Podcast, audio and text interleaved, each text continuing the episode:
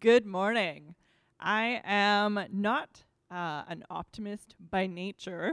However, I try to look for like things to be grateful for. And today, as I was brushing the snow off my car, I thought of you and how you can be grateful that you were not brushing the snow off your car.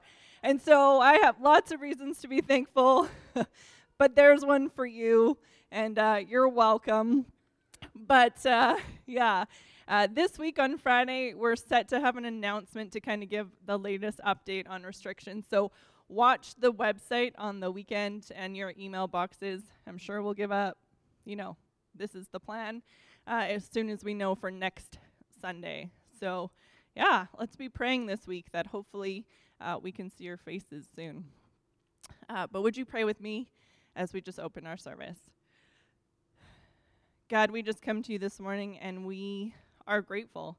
We're grateful that uh, even when we aren't uh, so good at waiting, Lord, you're always faithful in coming.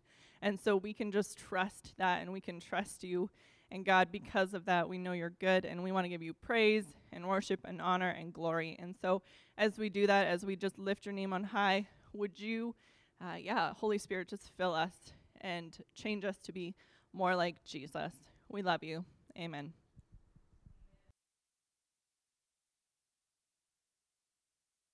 Lord, hallelujah. Thank you, Jesus. Praise your name, God. Hallelujah. Thank you, Jesus. Oh, you are God. Praise your name, Jesus. Praise your name, God. Oh, God, change our hearts. More and more may we want Jesus more deeply ingrained in us. Those times when, God, we enjoy life because we know that He's with us, that His Spirit resides in us. He's never going to leave us or forsake us. And may we just want more and more of Him and less of other things. Oh, that He'd increase and we would decrease. Oh, God, we thank you for your grace today and your mercy. We thank you for your love for us. We thank you, God, that you just have over the top affection towards us. And God, may we continue to grow and strive to just give that back to you, God. We just love you. We just uh, thank you, God, and we worship you for who you are today. You're wonderful. Oh, to God be the glory. Amen. Amen. Praise God. Oh, God is good. Boy, what a great God we, we, we know and we have a relationship with and we're personal with. He is amazing. And uh, as we sang at the beginning, let all God's people say amen. So in your living room, office, bedroom, just yell out a big amen. Wake up everybody else in the house and get them in there to hear the word of God. But uh, looking at Ephesians chapter 2 today, verses 11 to 22. And uh, nothing better than reading the Word of God together publicly. And uh, let's read those verses. It says, Therefore, remember that formerly you, the Gentiles in the flesh, who are called uncircumcision by the so called circumcision, which is performed in the flesh by human hands, remember that you were at that time separate from Christ, excluded from the commonwealth of Israel, and strangers to the covenant of promise having no hope and without God in the world. But now, in Christ Jesus, you who formerly were far off have been brought near by the blood of Christ. For he himself is our peace, who made both groups into one and broke down the barrier of the dividing wall by abolishing this his flesh the enmity, which is the law of commandments contained in ordinances, so that he, him himself, he might make the two into one new man, thus establishing peace and reconciling them both in one body to God through the cross by having put to death the enmity. And he came and preached peace to you who are far off, and peace to those who are near, for through him we both have our access in one spirit to the Father. I just want to pause here for a moment before I read the last uh, three or four verses that I'm going to concentrate on more today. But I just want to just establish the fact that, that uh, God's people were brought into relationship with Him through the Old Testament and then into the New Testament covenant through the cross. But God reached out by His Spirit into all the world, to all of us who are Gentiles, other nations, tribes, and He brought us into the family so that uh, whether you're a Jew or a Gentile, we are all saved by Jesus Christ. We are all brought together. We're all given peace with God through Christ, and, and we have become one body. And you can't look at one nation or another nation and say, these people are of God and these aren't. We are all under God in faith, under Christ. And that's what he's really trying to drive home that it's been done through God, reconciling all of us in peace to God through the cross. And then he continues on in verse 19. He says, So then you are no longer strangers and aliens but you are fellow citizens with the saints and are of God's household. Let that sink in this morning. And having been built on the foundation of the apostles and prophets, Christ Jesus himself being the cornerstone, in whom the whole building, that's all of us being fitted together, is growing into a holy temple in the Lord, in whom you also are being built together into a dwelling of God in the Spirit. These are great, great words. because He has brought us all together, we're no longer strangers and aliens from God's family. We are fellow citizens with all the saints, and we're of God's household.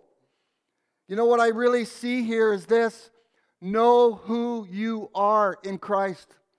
Know who you are. You are a child of God. You are a son, a daughter of God. You've been brought in through Christ, through your faith in Christ. You have been brought into this family, this household. You are God's kid. You are royalty. And we don't use that as pride, but we use that to remember that we are, we have this hope that we are God's family and we will spend eternity with Him. We are not hopeless in this world. We are God's children. Let that sink in. Let it strengthen you today. Let you know that you are, that you are, that you are His. And some days when we feel lonely and we feel uh, separated and apart, and we all live in our different areas of this city or wherever you're coming from today, and we're not always gathered together, especially this morning. But when we are, are apart in our lives, every day we should remind ourselves that we are not alone. We belong to something much bigger. We belong to the entire family of God that just doesn't exist here in this place or in this city, but is all over the world. We are His. You know, Jesus Christ is the, the one. He is the person. He is the critical stone, cornerstone of the foundation in this family that we belong to. And He ensures, like any other building and construction, the cornerstone helps to make everything stable and keeps everything square.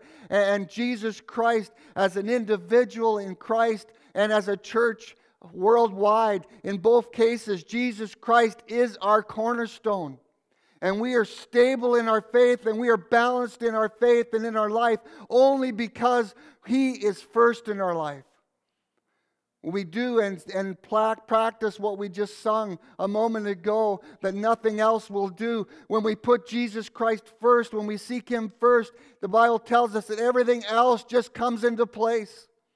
And so, as we put Christ as the cornerstone in our individual lives and in the life of the church, we are stable in our faith and we are balanced in our faith. You see, we've learned that Christ is our life. Jesus Christ is not a part of our life, He is our life. And that's what we strive for in our faith day after day after day.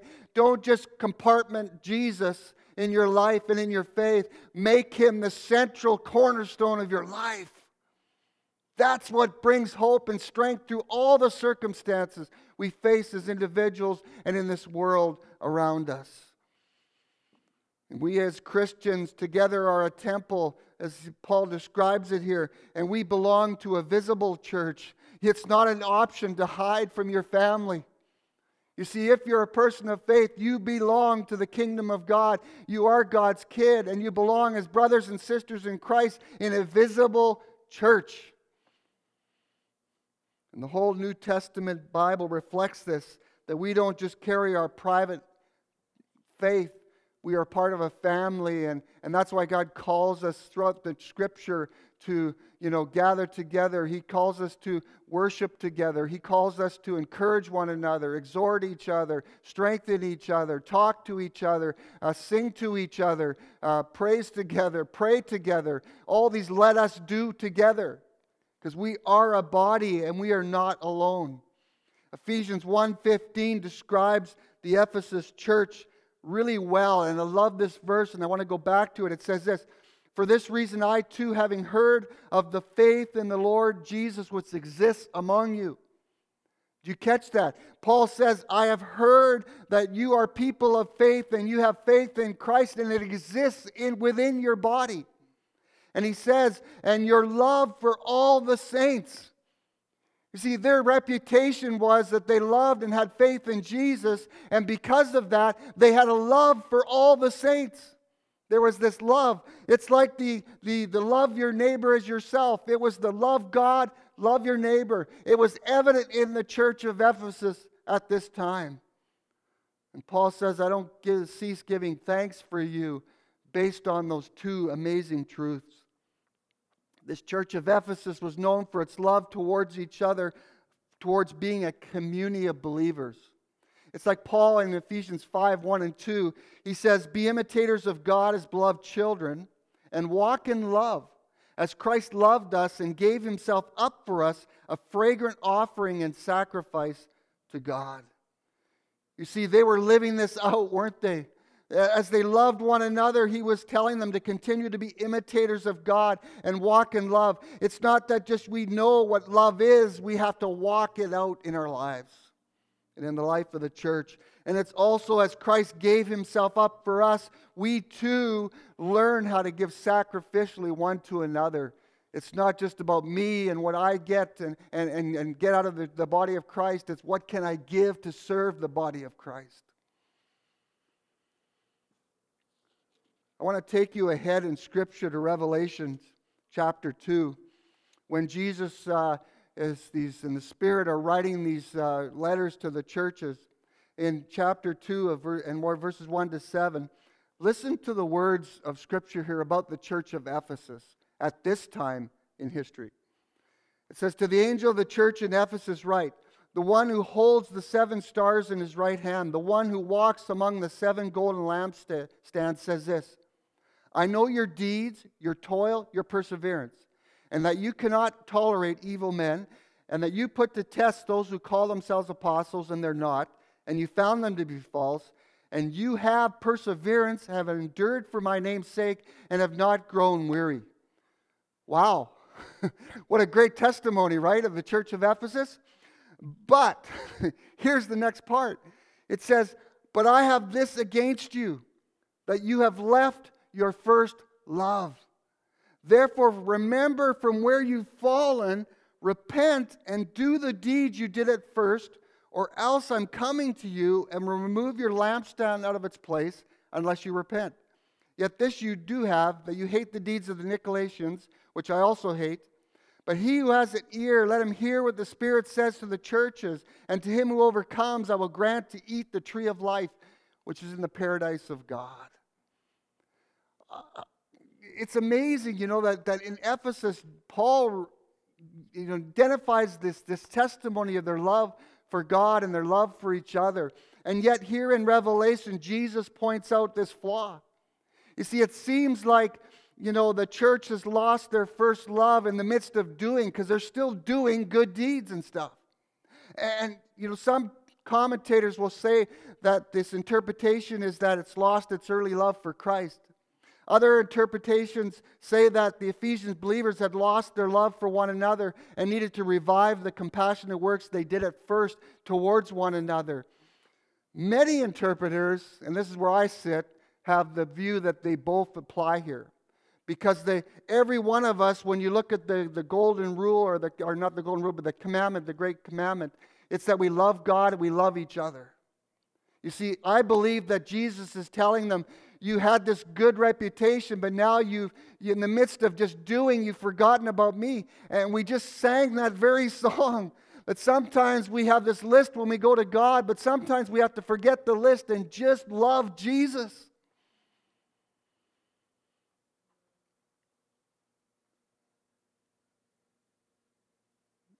Loving God means that the byproduct of loving God and having faith in Christ is that we learn how to love and serve one another in the body of Christ. Love and serve one another. This whole word, the word overcome, to him who overcomes in Revelation means to, it's a strong, strong expression for repent. In other words, stop what you're doing and turn back to what you were doing that was good and full of life and vibrant.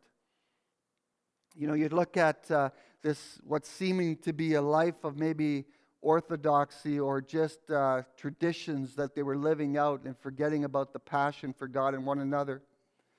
It's like 1 Corinthians chapter 13 when you start to read that love chapter, the first few verses tell us that you can do all these amazing things and you can have all this amazing stuff, but yet if you don't have love, the Bible's clear, you have nothing. There's a lot of practice that comes into the body of Christ, learning how to love one another and serve one another and give to each other. That's why I, I'm going to say it one more time before I leave this place. It's time for the body of Christ to quit isolating themselves one from each other.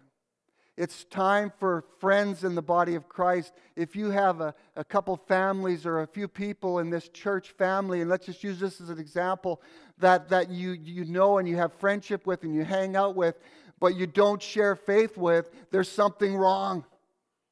We have to learn how to talk about Jesus and incorporate Jesus in our faith, and we need to pray for one another, strengthen each other, encourage each other, exhort each other. We've got to share Christ together. We can't do it alone. We're sitting ducks. We try to do faith alone. We need each other in the body of Christ. We've got to keep each other sharp. So get into twos and threes, get into couples, and learn how to enjoy life, but at the same time, share and have faith together in your relationships. And, church, never lose your love for each other. Love Jesus and let that love spill over into the body of Christ. We're all quirky. We all got issues. We all got sin. We all got problems.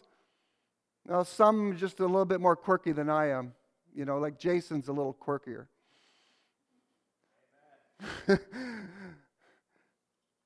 We're the body of Christ.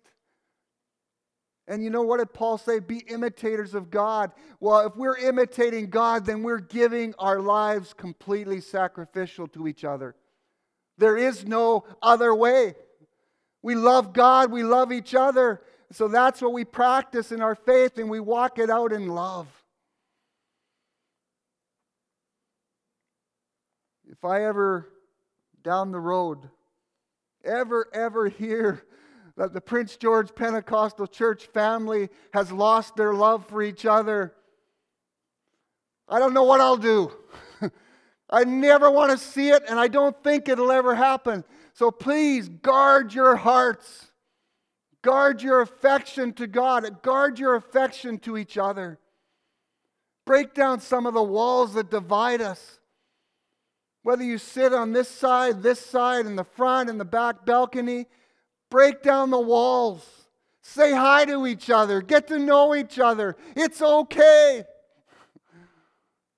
But show love and, and in your midst when you're in the church, when we gather again in this place, Look across the room every Sunday and ask God to give you a word of encouragement for somebody else. Don't sit there and just soak it all in. Let God use you to strengthen the body of Christ.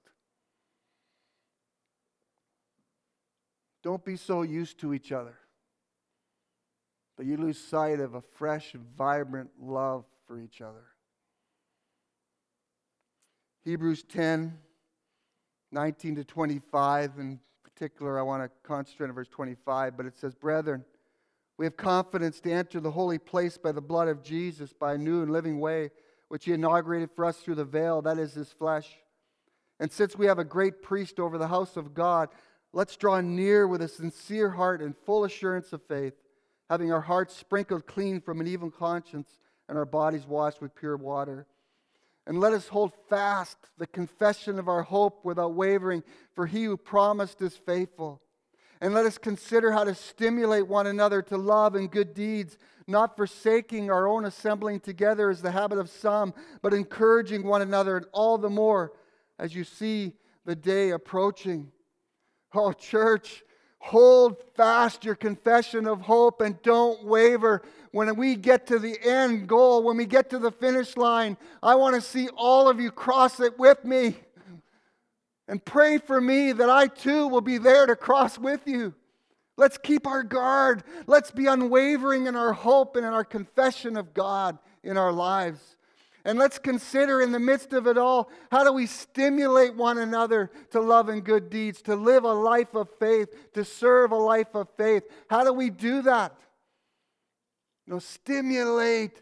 It means you can't just sit by and hope somebody's going to do it. We've got to encourage each other to do it.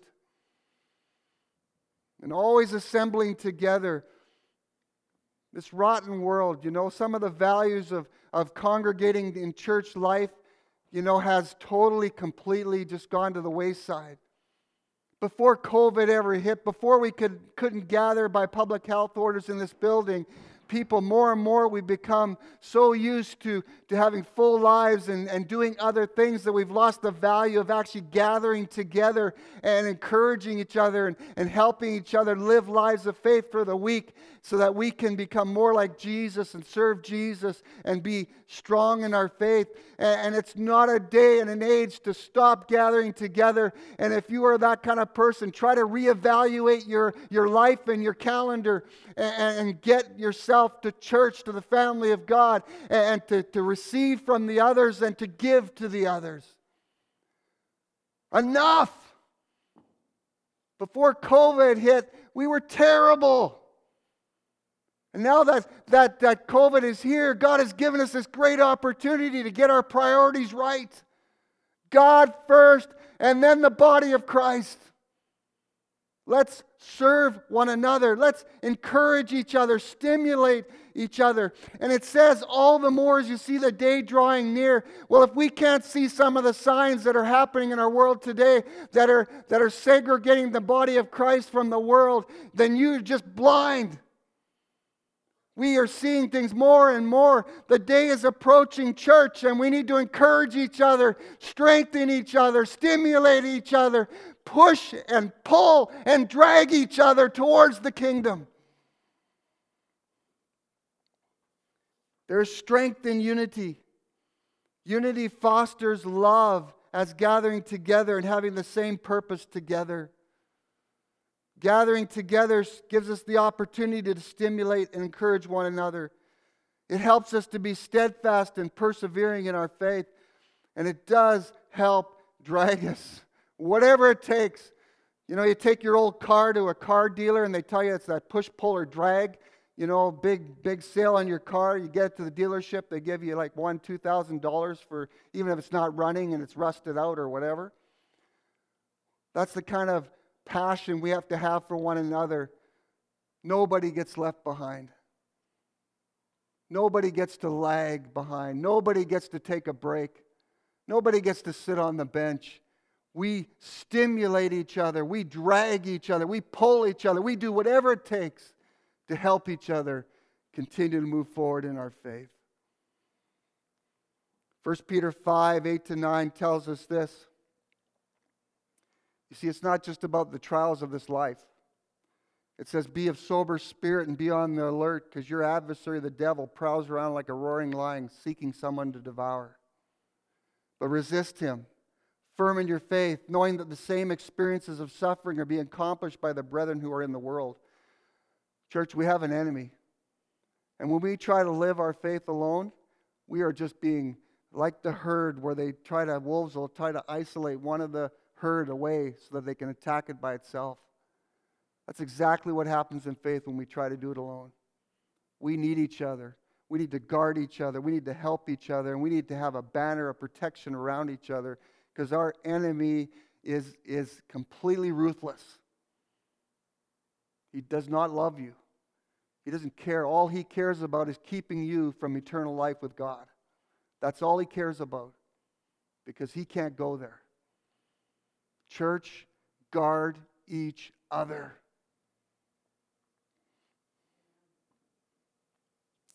You know, the devil would like nothing but us to be casual, complacent, just keep us sort of apathetic towards everything, to not have a real purpose of faith in our lives. That's what he wants. But, church, we are not like that. We are filled full of the Holy Spirit. We are the powered people of God. And that's how we should live full of God, full of the Spirit, full of power. Over this past week, I'd like to say that Noreen and I have been extremely humbled by your responses to our announcement that we would be resigning as your pastor here at the church. Uh, very, uh, I want you to know this is a very hard thing for me to do and Noreen. We, we love you. we love you, and, and we have we love sharing God with you, and we love you and relationships that we've had with you and the things that we've been able to do. The time has come for, for just that, that new voice, that new vision, that new person who can just take you further towards the kingdom and to the finish line. But the love that we have experienced this past week has just blown me away and remind me just how much we have been loved and cared for by you all. I'll say it probably in a couple of Sundays when I have my final address from here. But I just want to say from my household, from Noreen and I, that uh, we love you and we are honored that you have loved us and cared for us. And we will do everything in our power with God's help to meet you at the finish line. So please don't be wavering in your faith. It, it's too late in the game for that. And please love each other passionately. Go beyond just the, the, the, norm of what we've experienced in the last few years. Really invest your life for this church family. Invest your life for the family of God worldwide. Give everything you've got to give others the opportunity to continue the journey of faith. May this be our constant knowledge of you here in Prince George of the Pentecostal Church family. And may this be our testimony. And I'm reading in conclusion today Ephesians 1:15 again. For this reason, Rich and Noreen too, having heard of the faith in the Lord Jesus which exists among you, and your love for all the saints, will never cease giving thanks for you. May that always, always be the testimony of this church family. That we will always know that to be true and that we'll never have to despair. We love you. So, God, I bring your word today to all of us. And, Holy Spirit, I invite you to, to just let the words we've read today in your scripture and we've shared, God, and the passion I've given them, God, just let that soak into us, deep into us, God. These are two incredible truths, God, that we would know you, that we would have a passionate love and faith for you, God, that wouldn't just be something that's a part of our lives, it's, it is our life, God. And if there's anything else going on in each of us, God, would you show that by your Spirit so that we can set things right? And God, you know the, the way the world has gone, and even the church, where we sort of have become a little bit segregated, and some of our values have taken a, just a turn. Spirit, would you set us right as individuals? That we would love your church? That we would, we would love and have passion for those that we worship with? And that we would serve with our whole heart and we would give of our lives sacrificially towards the church. Holy Spirit, would you just dig deep in our hearts and our minds, in our spirits today? Every one of us. And just bring life. Jesus, we love you. You're the reason why we would have faith, and you're the reason why we would love one another. We owe you a great debt, God. Yet you gave it freely, and demonstrated your love by dying on a cross. May that same heart, may that may we imitate that towards each other. You're amazing, God. Bless the Lord. Bless the Lord, oh my soul, and all that is within me. And I bless each person online today, God, and in this building. Oh God, I'm jealous for them. Spoil them, God. Give them an amazing week. Keep your hand upon them. Protect them from the evil one, God. And bless them. I pray in your name, Jesus, because you're the one that loves us. Amen.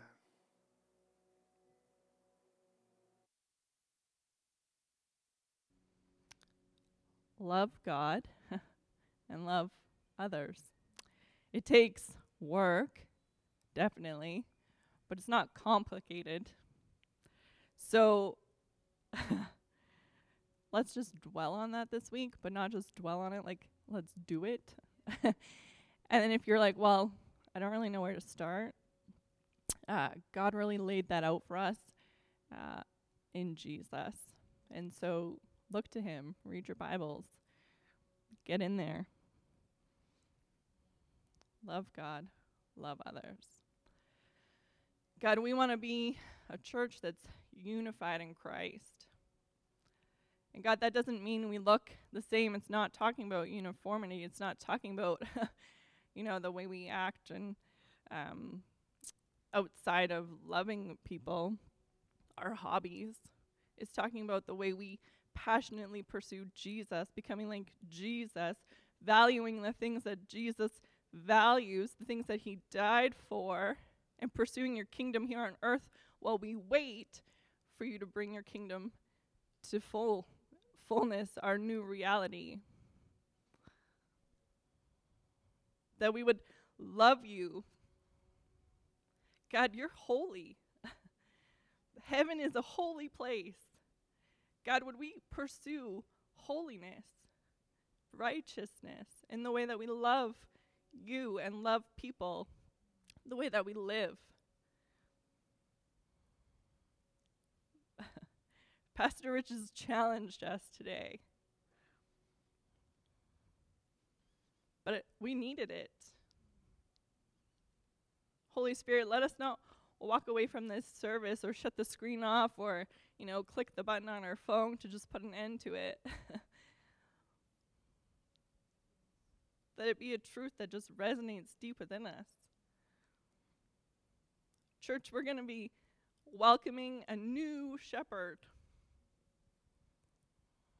Let's be a church that is known for our love, both as a, a an honor to Jesus and his word and who he is in living out the command as a, a legacy that Pastor Rich could leave here as one thing that we've done well and something that will continue until, man, we see Jesus face to face. So, God, we want to love you. And we think that we have loved you but God, we want to just take it to the next level. And God, we want to love each other. And sometimes that's really hard because we're human. but help us to do it well. Start with respect and move into honor until it builds up to love and unity. It's life giving, it's changing the community around us. Whew. So we just declare, God, today that we will be this church that will lean into it, into your command for us.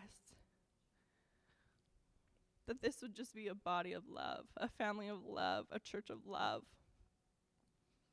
And we wouldn't confuse what that means, but we would just seek after you. God, we thank you that you loved us first and that you've demonstrated what that looks like and that when we fall short, you continue to, to love us and you walk with us and you give us grace.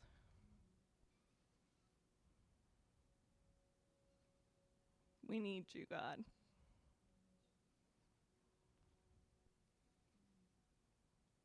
We thank you. thank you for a powerful word this morning. Thank you for the power that your spirit brings to our lives, that we don't do these things in our own effort, that you empower us to live the life you've called us to. Would we just lean into that? In Jesus' name, amen.